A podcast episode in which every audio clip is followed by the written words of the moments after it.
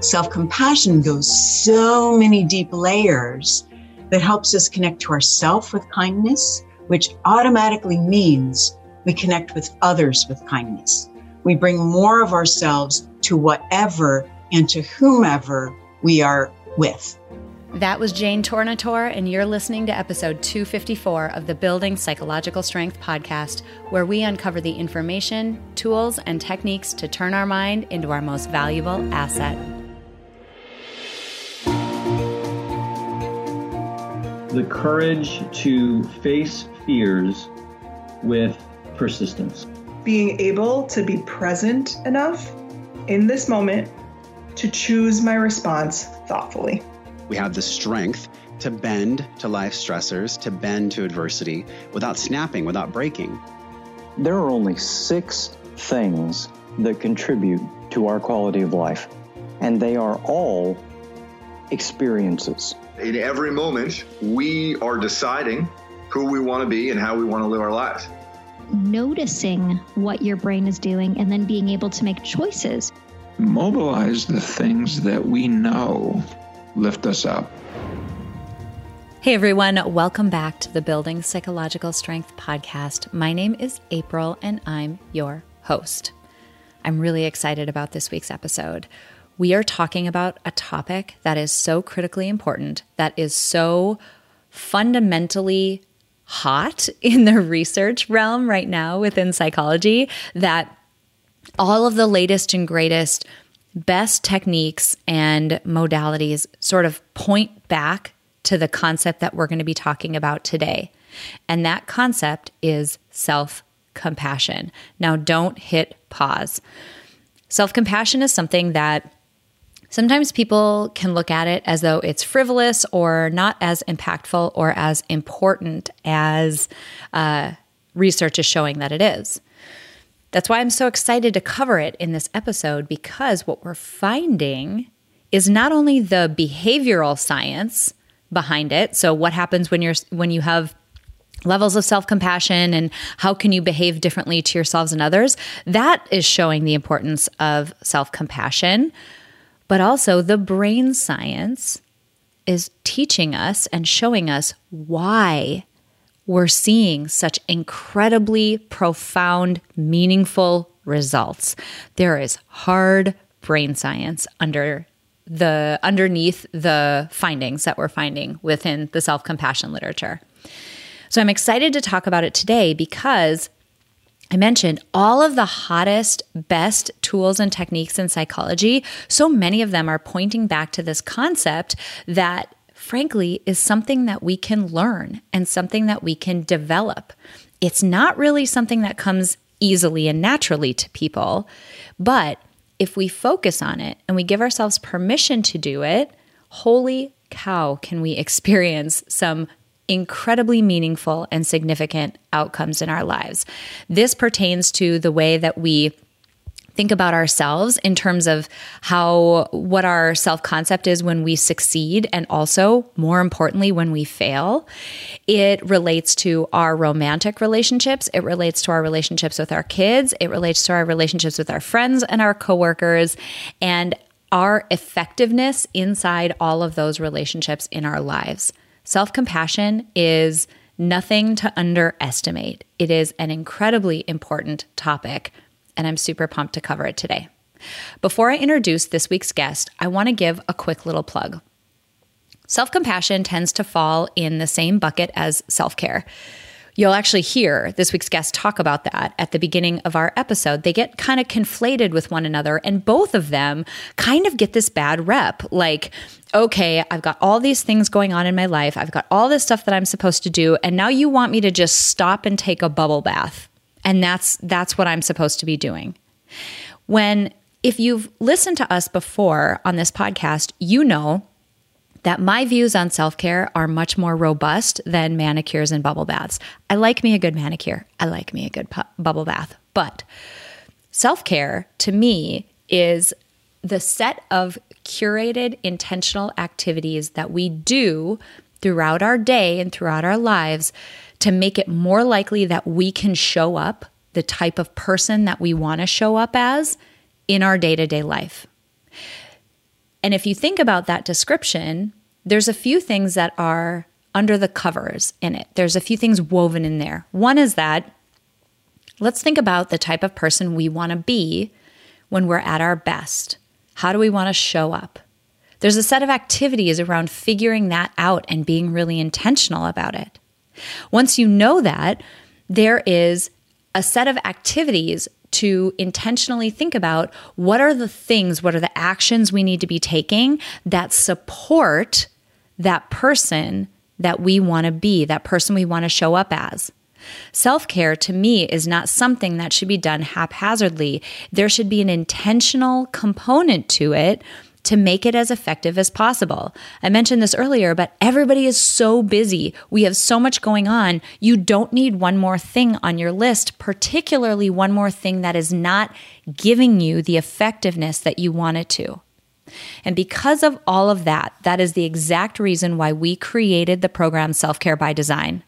This is a little mini program that you can find inside the Peak Mind Center, and it basically leads you through a life design set of techniques in order to figure out what your optimal self care routine is so that it can help you show up as who you ultimately want to show up as in your life. This is not the routine that you see on Instagram where you think you should do yoga and meditate and write journal pages because that's what everybody else does. And you sit down and you do that for a few days and nothing really happens and you get frustrated. That's because you're trying to replicate somebody else's routine. What we're talking about is creating a guilt free, tailored to you, effective self care routine, one that actually delivers on what you want it to be delivering on, meaning allowing you to show up as the person you want to show up as. It's tailored to you. That routine should be as individual as you are, and you should not feel guilty for doing it. And there's exercises in the program in Self Care by Design that are specifically designed to help you get rid of the guilt so that you can do this self care routine guilt free and open and enjoy it and allow it to have the effect that it should have. You can learn more about that by going to peakmindpsychology.com backslash self-care. I'll also put that link in the episode description and on our show notes page so that you can get to it easily. Again, that link is peakmindpsychology.com backslash self care. Check that program out. It is a mini program of ours. It is incredibly low priced. And as with all of our programs, there's a 30 day money back guarantee on it. So you're really not missing out. What I would encourage you to do as you are looking at that and as you're listening to the rest of this episode is put yourself first. You're an asset. You deserve to be taken care of. So put yourself first as you listen to this episode, put yourself first as you review that program. All right, let's jump into this week's guest. I'm absolutely thrilled to welcome Dr. Jane Tornatore to the podcast this week. Dr. Jane is an expert in the realm of self acceptance. She is a psychologist herself. She's been doing therapy and clinical practice for a number of years, and she's the author of the book Everything is Perfect just Not Me, a roadmap for self acceptance. This book is like the how to. I mean, this is the how to cultivate one of the most fundamental, important skill sets that we have in the Psych Strength toolbox. This is how to cultivate it. And that's why when Dr. Jane's team reached out to me to have her on the podcast, I was an instant yes because this topic is so important. So you're not going to want to miss this episode. We talk a lot about what self compassion is and what it's not, specifically the hard science behind why it's having such a meaningful impact on so many people. And we get into some pretty nerdy brain science. There are some incredibly shocking, amazing findings that we talk about at sort of the midpoint of this episode that just had my jaw hanging open. Like, of course, we're seeing the impact that we're seeing. And of course, the way that we have been typically doing it, or the way that people think to support themselves, doesn't work. Oh my gosh, it was so incredible. We also talked about how you can get started. And frankly, Dr. Jane led me through a hands on exercise about a situation in my own life that, in one small little moment, things shifted for me. And you'll hear it in my voice when you get to that point in the podcast. I'm absolutely thrilled to welcome Dr. Jane Tornatore today because as I've mentioned, this topic is so critically important, and it's important at a time when we have all been practicing basically self denial. We've been in quarantine in this pandemic for a year, and it's been taking, taking, taking from us.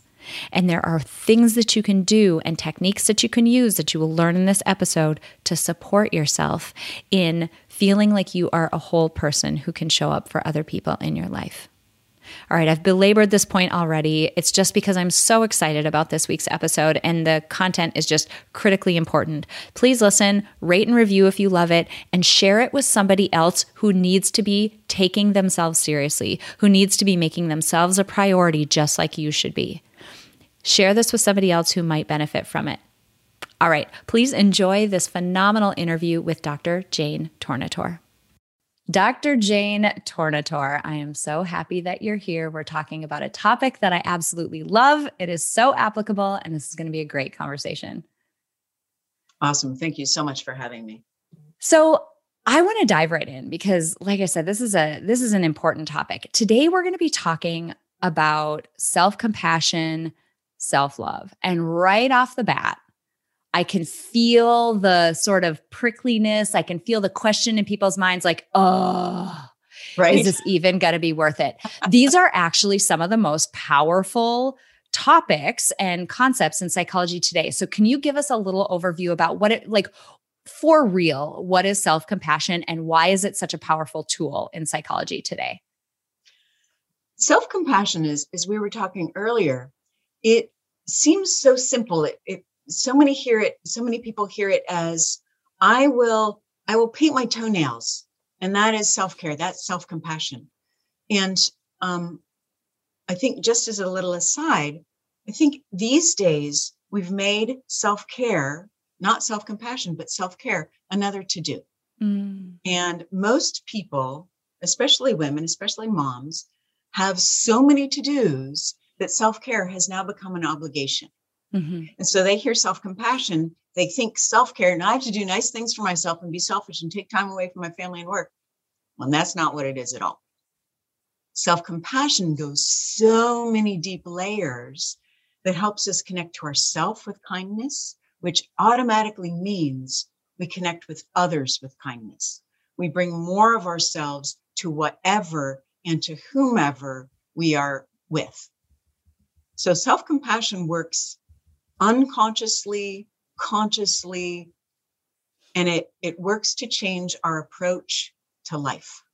So it's a super simple concept. So many more applications than like the more I work with it and the more I experience it, the more I see the depth and the intricacy that is involved in this very simple term. Mm-hmm. Yeah. And if you think about, I love that. And I love that you pointed it to it's it's one of those concepts that affects the way that we experience life it really is that broad because yes. i mean it almost gets easier to think about it if you think of the flip side what is the flip side of self-compassion it's when we're not being kind to ourselves exactly. when we're being and i mean all of us have that. We've talked a lot on the show about when we talk about uh, sort of our mental chatter we have a way of characterizing it as our uh, committee members in our mind. Yes. and there's everybody's got that inner critic. Everybody's got that judgmental set of committee members who is so quick to point out when we've done something wrong and so quick to say that we're not measuring up. When you think about what the flip side of self-compassion is you realize how important it is to balance the scales and develop a sense of kindness for yourself and yeah. how many areas of your life that will impact. Mm-hmm. You hit it exactly. That committee we have in our head is all about judgment, all about all about what we're doing wrong. And our brain, our neocortex, the newest part of our brain, is set up to look for what's wrong. That's its job is to look for danger so we can avoid it. It isn't set up to go, hey, notice what a great job you did on that project. notice how happy your kids are today in the middle, even in the middle of it. Notice that. No, it's not set up to do that. It's set up to look for the negative. We know that what 70 or 80% of our thoughts each day are negative, Mhm. and 70 or 80% of them, I can never remember which is 70 and which is 80, they're repetitive. So we've got continuing negative messages every day. So no wonder we're Mhm. all feeling kind of beat down and not self compassionate. But Mhm. here's a really interesting thing about compassion and uh, versus judgment. So when we're judging, and not not in in the discernment capacity, but the judging of like they're wrong, that's bad. What's wrong with me? How stupid of me to do it that way. When we're making it right or wrong, usually wrong, it shuts off our curiosity. It shuts off our Ah. ability to connect. It shuts off our ability to figure out well, there might be another way to do this. I've never, ever, ever, ever in myself or my clients been able to be curious and judgmental at the same time. I, I don't know the brain science well enough, but I would swear curiosity shuts down that mean judging part of our brain. Yeah. Because just try it. I mean, like the listeners, just try to be curious and that mean judgment at the same time. It's impossible. Well, and what I think is interesting about that, something else that we do in Peak Mind is we bring a lot of um, a lot of the field of design in, human centered design specifically, because it helps with this element of creativity, helping us creatively think of solutions. And there is a precursor to creativity, and that is curiosity. Curiosity. If you are certain, and judgmental feels certain, right? It Yes, feels like a certainty. I certain. know that this is right or wrong Mhm. if you're in a in a state of certainty your mind does not open up and look for solutions look for differences look for changes look for explanations um, Nope. you're not in a position one exercise that i tell people to do is okay you're in this situation that person really pissed you off like this is this is just terrible can you think of three benign explanations for why they might have done what they did if you are certain you know you won't do that naturally. So I agree with you. I don't know this for sure. I don't I also don't know the brain science behind that link, but I would be willing to hypothesize with you that being creative helps us be less judgmental probably to others and to ourselves. Always, always. Yeah. So here's here's what I do know about the brain science. When we have a, a negative um, situation, when we even have a negative thought, the C1 and C2 vertebra in our in our neck shift just a little bit to direct blood flow to the amygdala. So it stops the blood flow to the rest of our brain. Hmm. So when we are stressed, a negative thought and judgment is never judgment is hardly ever. I know they did a fabulous job. That's It's always- wonderful. exactly. That's not how judgment comes out. It's like they're wrong. Negative thought, blood flow shuts off. So by forcing that, um, think of three different things. I love that because that literally brings the blood flow back to other parts of your brain. So Yeah. your amygdala is no longer the only thing running the show. There are no choices when there's an amygdala in charge. There are Yeah. choices when the rest of our brain is on board too. And talk about the amygdala a little bit in terms of like what it does and why it's important because I think it's going to be key for a few things we talk about. Yeah, absolutely. So the amygdala is what keeps us safe. And you jump in here too, because you know Yeah, absolutely. as much, if not more than I do. So it's the it's the oldest part of our brain. And it is why we still are alive. You know, one of the things I say in my book is that the people who were the warriors, the people who were always kind of looking out for the danger, the people whose amygdala was really in charge, they're the ones who lived Mm-hmm. the people who had a quiet amygdala and they're like, let's just lay on this rock. I don't need to worry about that rustle in the grass. I'm sure I'm fine. You know, they're they died. They were not on constant alert searching for danger. So we got their brains. We are here because the warriors worried enough to stay alive in very dangerous circumstances, right? Mm-hmm.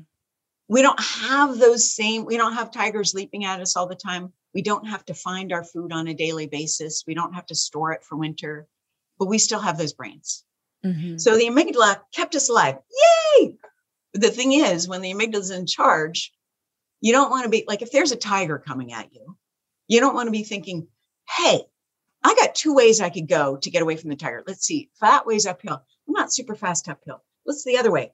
Oh, that opening. Let's look at the tiger. Yeah, that opening's smaller than the tiger. You're dead.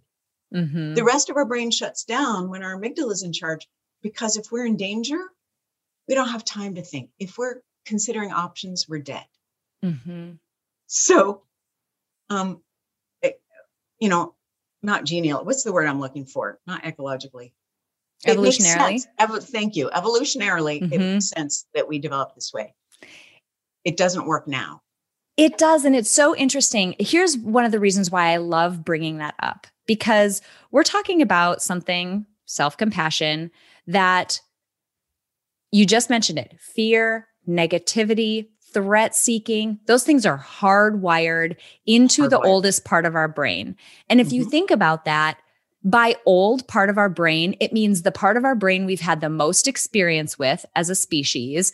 We rely on it as it's like it's our habitual thing that we rely on. We it's our go-to place because Yep. it played such a critical role. I could go Yeah. down a giant rabbit hole there, but I won't. I'm just going to leave it there even though it's difficult for me to do that. I know, But- me too. but the the practical thing that happens is that self-compassion is not that it is not, Not. threat seeking. It's not negativity biased. It's not any of those things.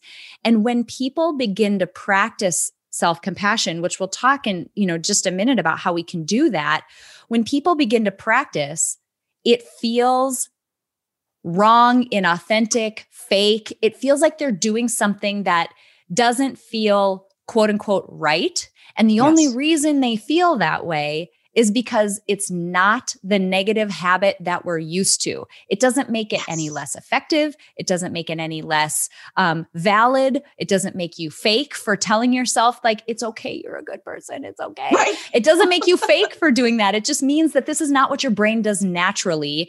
And so much about psych strength and audience, this is like, you know, we say every once in a while there's like four or five things that if we could just like tattoo them on people's brains, the world would be better. This is one of them. So many of our natural tendencies in our brain and in our mind, like the ones we're talking about here, they happen just automatically, habitually. Our role as modern civilized people is to tip the scale in a more balanced direction. And that's what we're talking about today. Cultivate Yes. self compassion because you will not do it naturally. You have to do it intentionally. Okay, so soapbox, I'm going to step down. Um, Can I add how- to the soapbox? Yes, yes, yes, yes. Keep going. this is super important. I love that we're talking about this. So we've got the brain science, which makes it so hard. And you're right; it's it's intentional action and choice, which creates this the pattern of self compassion, the practice of self compassion, the practice of kindness. We've also got the additional familial and societal layer Mm. of it's not okay to take time time for yourself. It's selfish. Self care, self compassion is selfish. How dare you?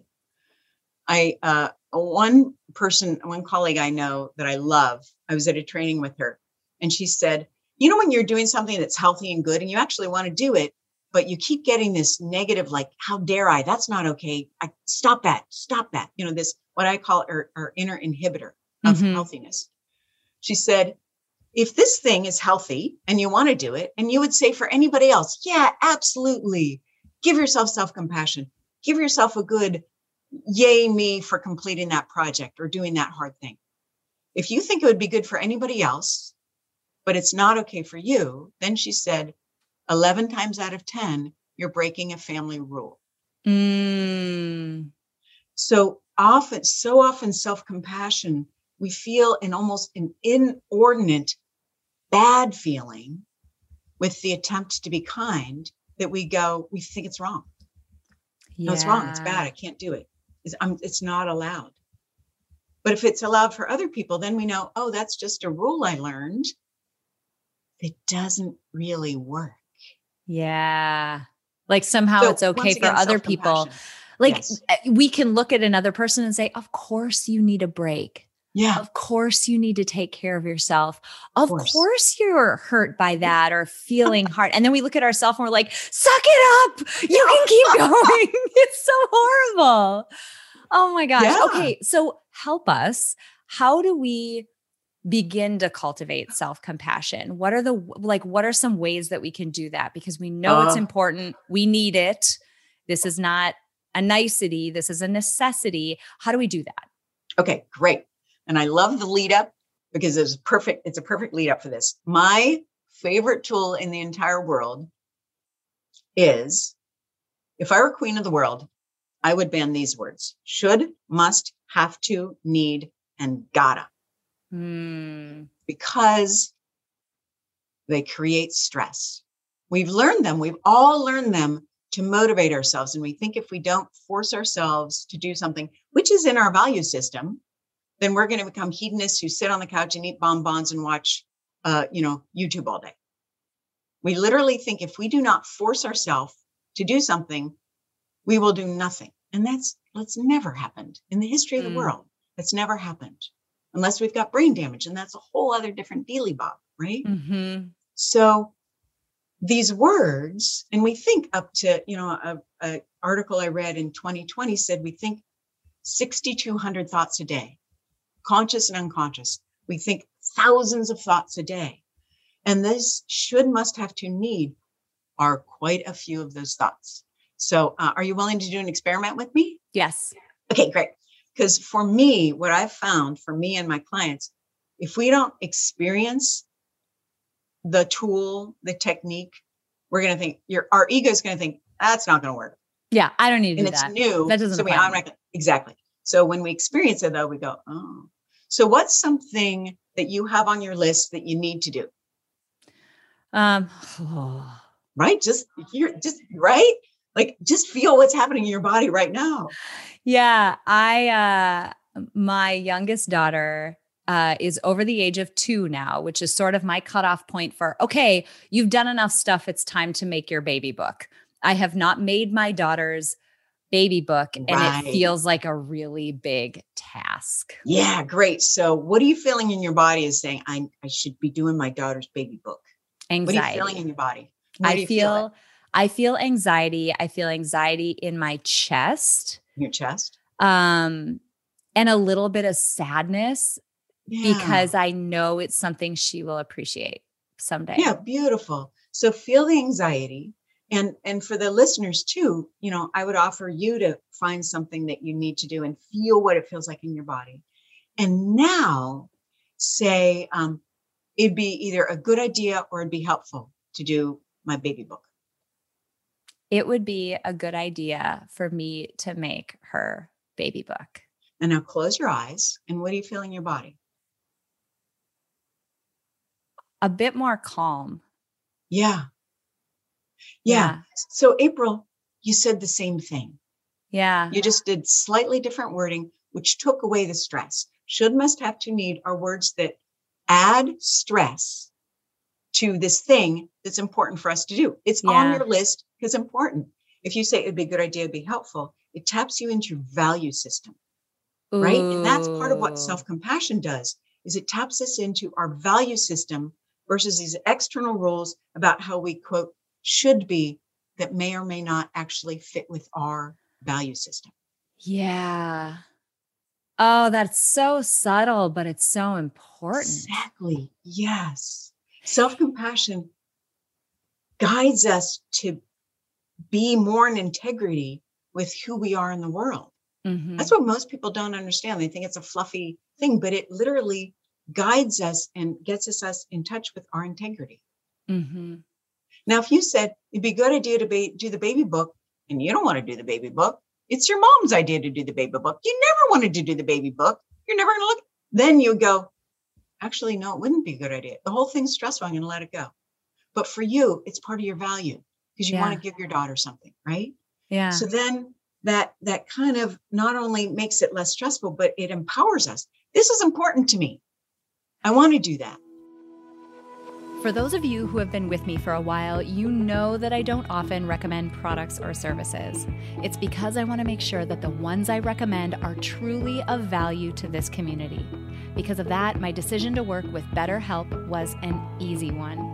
I want to thank them for sponsoring this episode and my show. With the BetterHelp platform, you can tap into the world's largest network of licensed, accredited, and experienced counselors who can help you with a wide range of issues, including depression, anxiety, relationships, trauma, grief, and so much more. I'm a psychologist, and I personally have been to therapy twice in my life. And in both cases, I went in feeling so confused, unclear, and anxious about the road ahead. Both times, my therapist was able to restore clarity and get me on a much clearer, happier path. I know how transformative therapy can be, which is why I recommend BetterHelp. BetterHelp will assess your needs and they'll match you with your own licensed professional therapist. It's not a crisis line, it's not self help, it's professional counseling done securely online. And because it's a virtual platform, you'll get access to a broad range of expertise in BetterHelp's counselor network, which isn't available in many geographic areas. And their services are available for clients worldwide. As a member, you can log into your account at any time and send messages to your counselor. You'll get timely and thoughtful responses, plus, you can schedule weekly video or phone sessions so you won't ever have to sit in an uncomfortable waiting room like you have to with traditional therapy. It's also free to change counselors if you need to because BetterHelp is committed to facilitating the right match between you and your therapist. Best of all, it's more affordable than traditional offline counseling, and they even have financial aid available. BetterHelp and I want you to start living a happier life today. Visit betterhelp.com backslash BPS. That's betterhelp.com backslash BPS. That's BPS like building psych strength.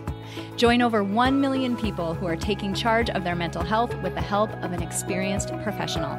Because you're a listener of the show, you get a special offer of 10% off your first month at betterhelp.com backslash BPS. Click the link in this episode description and say yes to a better and happier you. Here's what you just did, too. This is an incredible gift. P.S. People who are listening to this, rewind, think of the thing that is your version of the baby book and go through this exercise because here is what you just did. I have this, I just looked to the side to look at it. I have this to do list of all of these things that I need to do. Yes. And some of, and this is what's on the list. Literally, they are large work projects. They Right. are, um, so there's there's sort of two sorts of things mixed up in them and the baby book is um, on there as well one class of these things are like um, less emotional sort of work things that are work obligations or work responsibilities there's Yeah. not a whole lot of personal values behind them like maybe my value to do a good job and be in integrity with what i've promised my clients sure there's maybe some there it's not the same as my my desire to help my daughter connect to herself at a time that she can't remember herself and whatever Right. they belong on different to-do lists oh, beautiful. like Yes. somehow I've put that on that list. And when it's on that list mixed in with those other things, it feels like, oh, but when it's on its own list with things that I'm not not required to do but desire to do for the good of someone else who's important to me Yes. it feels lighter and more motivating somehow Yes. Yes. so good hmm sneaky think- language Yeah, I think it's so funny. I'm so glad we're talking because I haven't thought about this this way.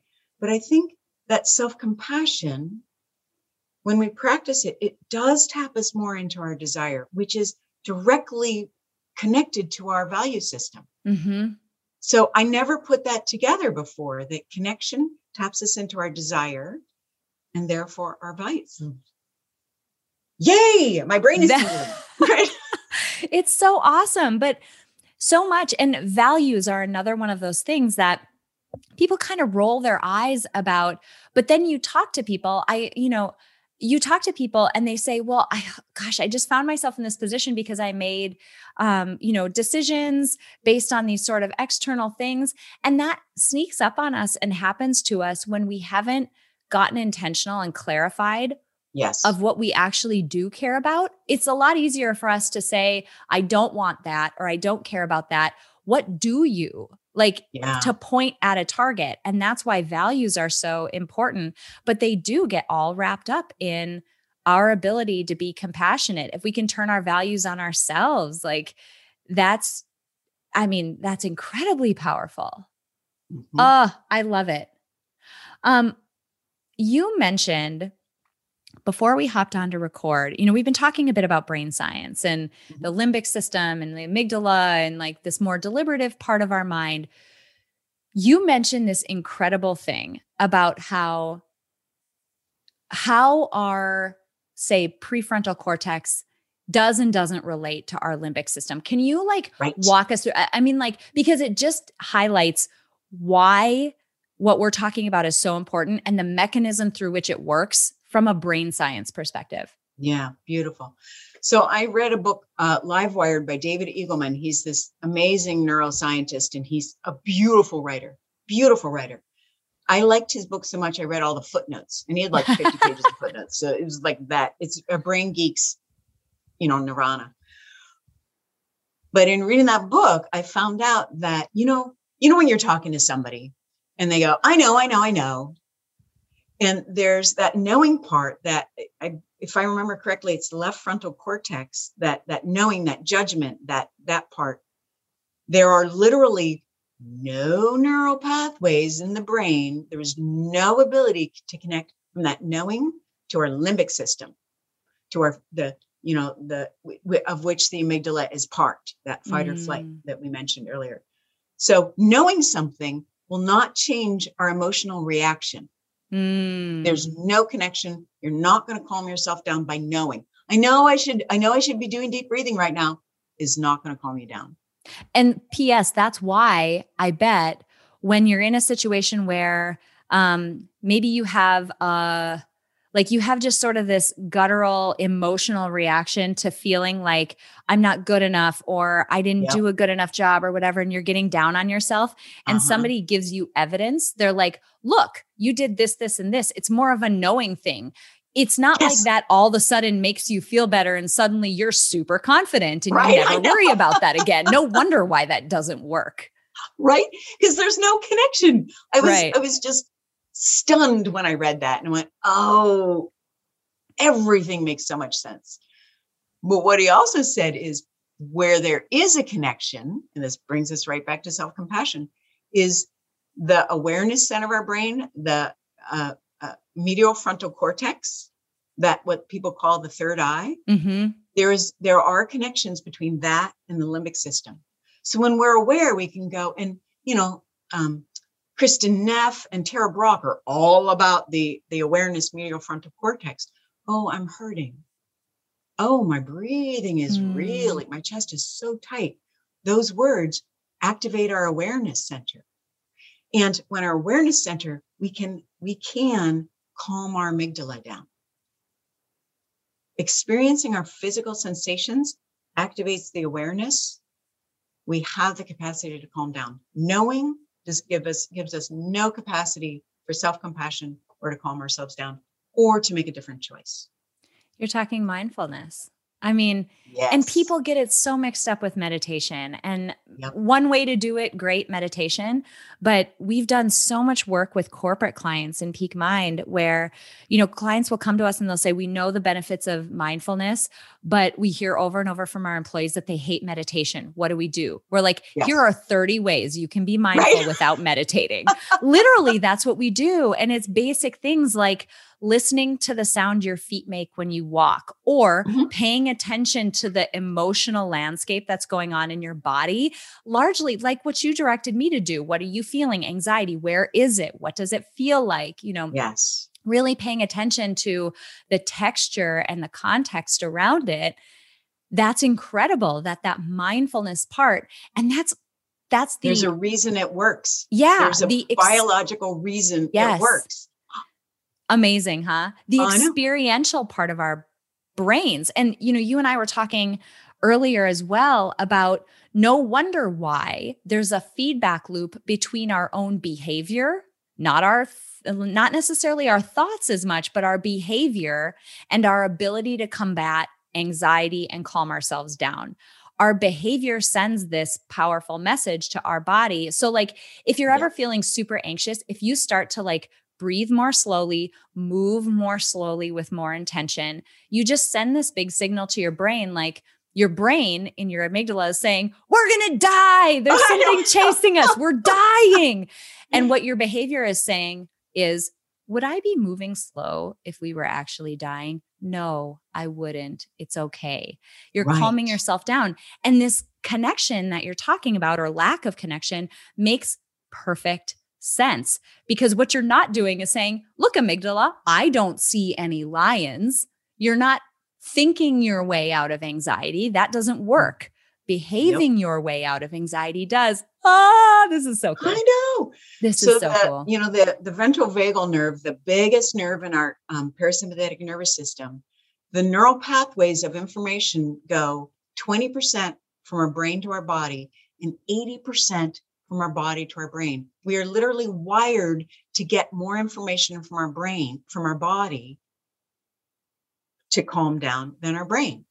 This is why I know I should calm wow. down. It doesn't work. But if you literally feel your breath, look around, there are no tigers. You you have so much information to calm your brain. And there's one thing I want to say for the people out there who are perfectionists and going, I can't feel anything, which most of my clients, when they come in, what are you feeling?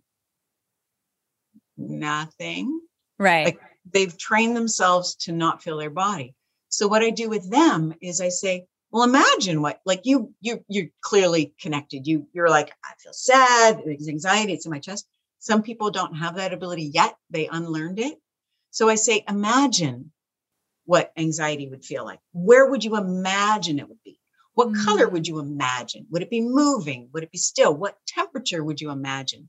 Because we know, as you know, when we imagine, the same neural pathways are running mm-hmm. as when it's mm-hmm. actually happening. So if you can't feel, imagine what it feels like. And that's just as good. And it starts to build that awareness and connection and rewires your brain to notice your body so you can get that information again. Mm. One of my favorite mm. phrases is our mind tells us stories, our body tells us what's true. Wow. That's powerful. Mm-hmm. Because so many times, and this is something that Ashley, who joins me for episodes once in a while, she um, she does such a good job of explaining how, especially when we are feeling anxiety or when we're emotional, our thoughts can feel like capital T truth. Yes. They can feel very strong and emotional and valenced and true and important. Like we have to focus on them. Mm-hmm. And it's not true. It's not true. They it's aren't. Simply a thought, simply mm. a neural mm. pathway pattern that we've thought a whole bunch. So we now it's a belief. Now or that it happens naturally because aren't we adorable? We are modern day 2020s people walking around with these like I mean, it's like walking around in iPhone society with like the giant uh, phone that people, I mean, I don't even know if people listening to this probably even know what I'm talking about. Like the huge phone people used to have in their car. It came in like a suitcase, like the original mobile phones. Yeah, the original mobile phones. Bigger like, than shoes. giant, giant. Google that. That'll be fun. That'll be a really fun blast from probably a past uh, that is older than people listening to this. That's anyway. right. either way, I love all of this. And I hope that as people, you know, as you've been listening to this, you see how important this this skill is really the skill of developing self-compassion and how many ways it can impact your relationships with other people and with yourself, the way that you handle adversity, the way that you comfort yourself when things are difficult. I mean, all of that's mm-hmm. wrapped up in this. Yeah. Yeah. Yes, I think self compassion is a superpower. Yeah. Well, it's why it's getting so much attention right now. I mean, it's cutting edge right now. It's such a huge topic. I'm curious about, with all of your expertise and the way that you've thought about this area, what is your definition of psychological strength? Ah, psychological strength, in my mind, is our ability to get back up when we face challenges mm-hmm. and especially when we fail. Psychological strength is never not failing because we we gain our strength and we more importantly realize our strength by failing and still keeping going. Mm-hmm. Like so many people, I failed. And then they don't go, that was really hard. But you know, I kept at it. Like I offered a program and like nobody bought it. Mm-hmm. And I could have just gone, well, forget it. I'm never going to do it again. I failed. What's wrong with me? But I like, no, this program is important to me. I'm going to keep going. So I kept offering it because mm-hmm. it was that important. And it, it literally, because I'm, I faced a lot of challenges and I built a lot of resilience through facing the challenges. I, it just made me more determined because mm-hmm. it's part mm-hmm. of my value system. So that for me is what psychological strength is, is I can do hard things and I can keep going because it's in my value system. That's my uh, very I roundabout definition. It's awesome and it's so applicable to so many areas of life once again. Mm-hmm. I mean that's why I love this stuff is we yeah. talk about a particular topic but truly this information that can be hard to get at within the field. We deliberately, we don't deliberately, but we like we really make it tough to get the good information out of the field of psychology. But there's so many gems there that people just need to know because they would live better. Like your life experience is so important. And it would be better if you knew how to build some of these skills.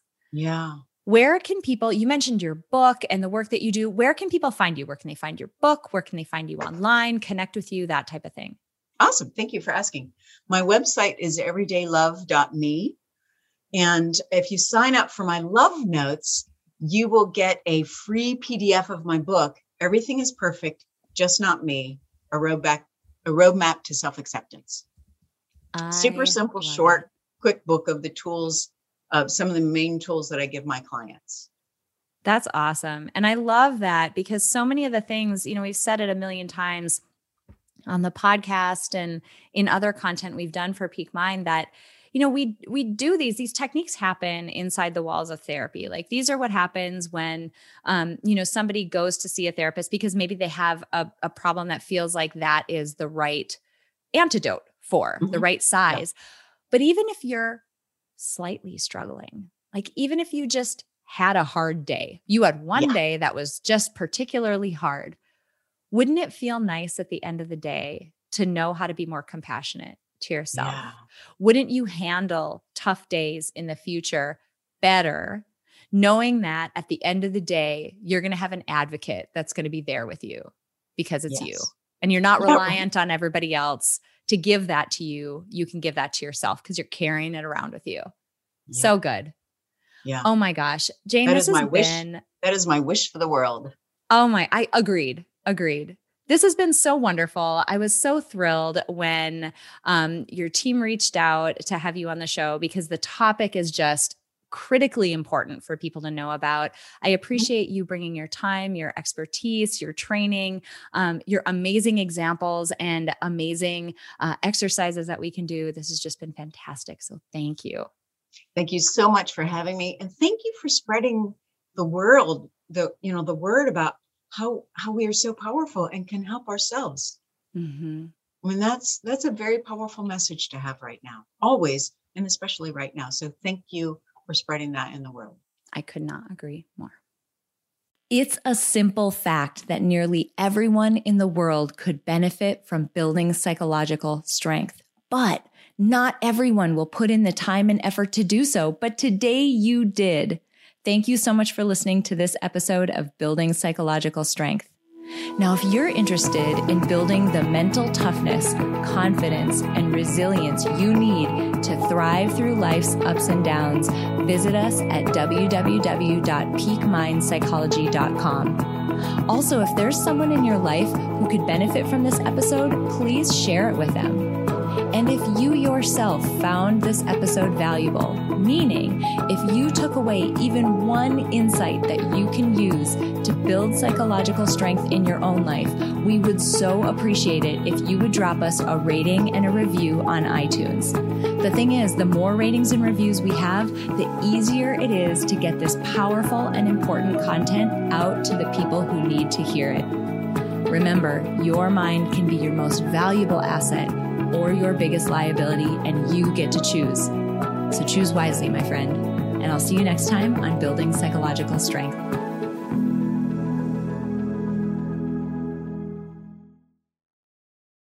At Parker, our purpose is simple. We want to make the world a better place by working more efficiently, by using more sustainable practices, by developing better technologies. We keep moving forward. With each new idea, innovation, and partnership, we're one step closer to fulfilling our purpose every single day. To find out more, visit parker.com/purpose. Parker, engineering your success. As humans, we're naturally driven by the search for better. But when it comes to hiring, the best way to search for a candidate isn't to search at all. Don't search, match with Indeed. When I was looking to hire someone, it was so slow and overwhelming. I wish I had used Indeed. If you need to hire, you need Indeed. Indeed is your matching and hiring platform with over 350 million global monthly visitors, according to Indeed data, and a matching engine that helps you find quality candidates fast. Ditch the busy work. Use Indeed for scheduling, screening, and messaging so you can connect with candidates faster. And Indeed doesn't just help you hire faster. 93% of employers agree Indeed delivers the highest quality matches compared to other job sites, according to a recent Indeed survey. And listeners of this show will get a $75 sponsored job credit to get your jobs more visibility at Indeed.com slash podcast. That's Indeed.com slash podcast. Terms and conditions apply.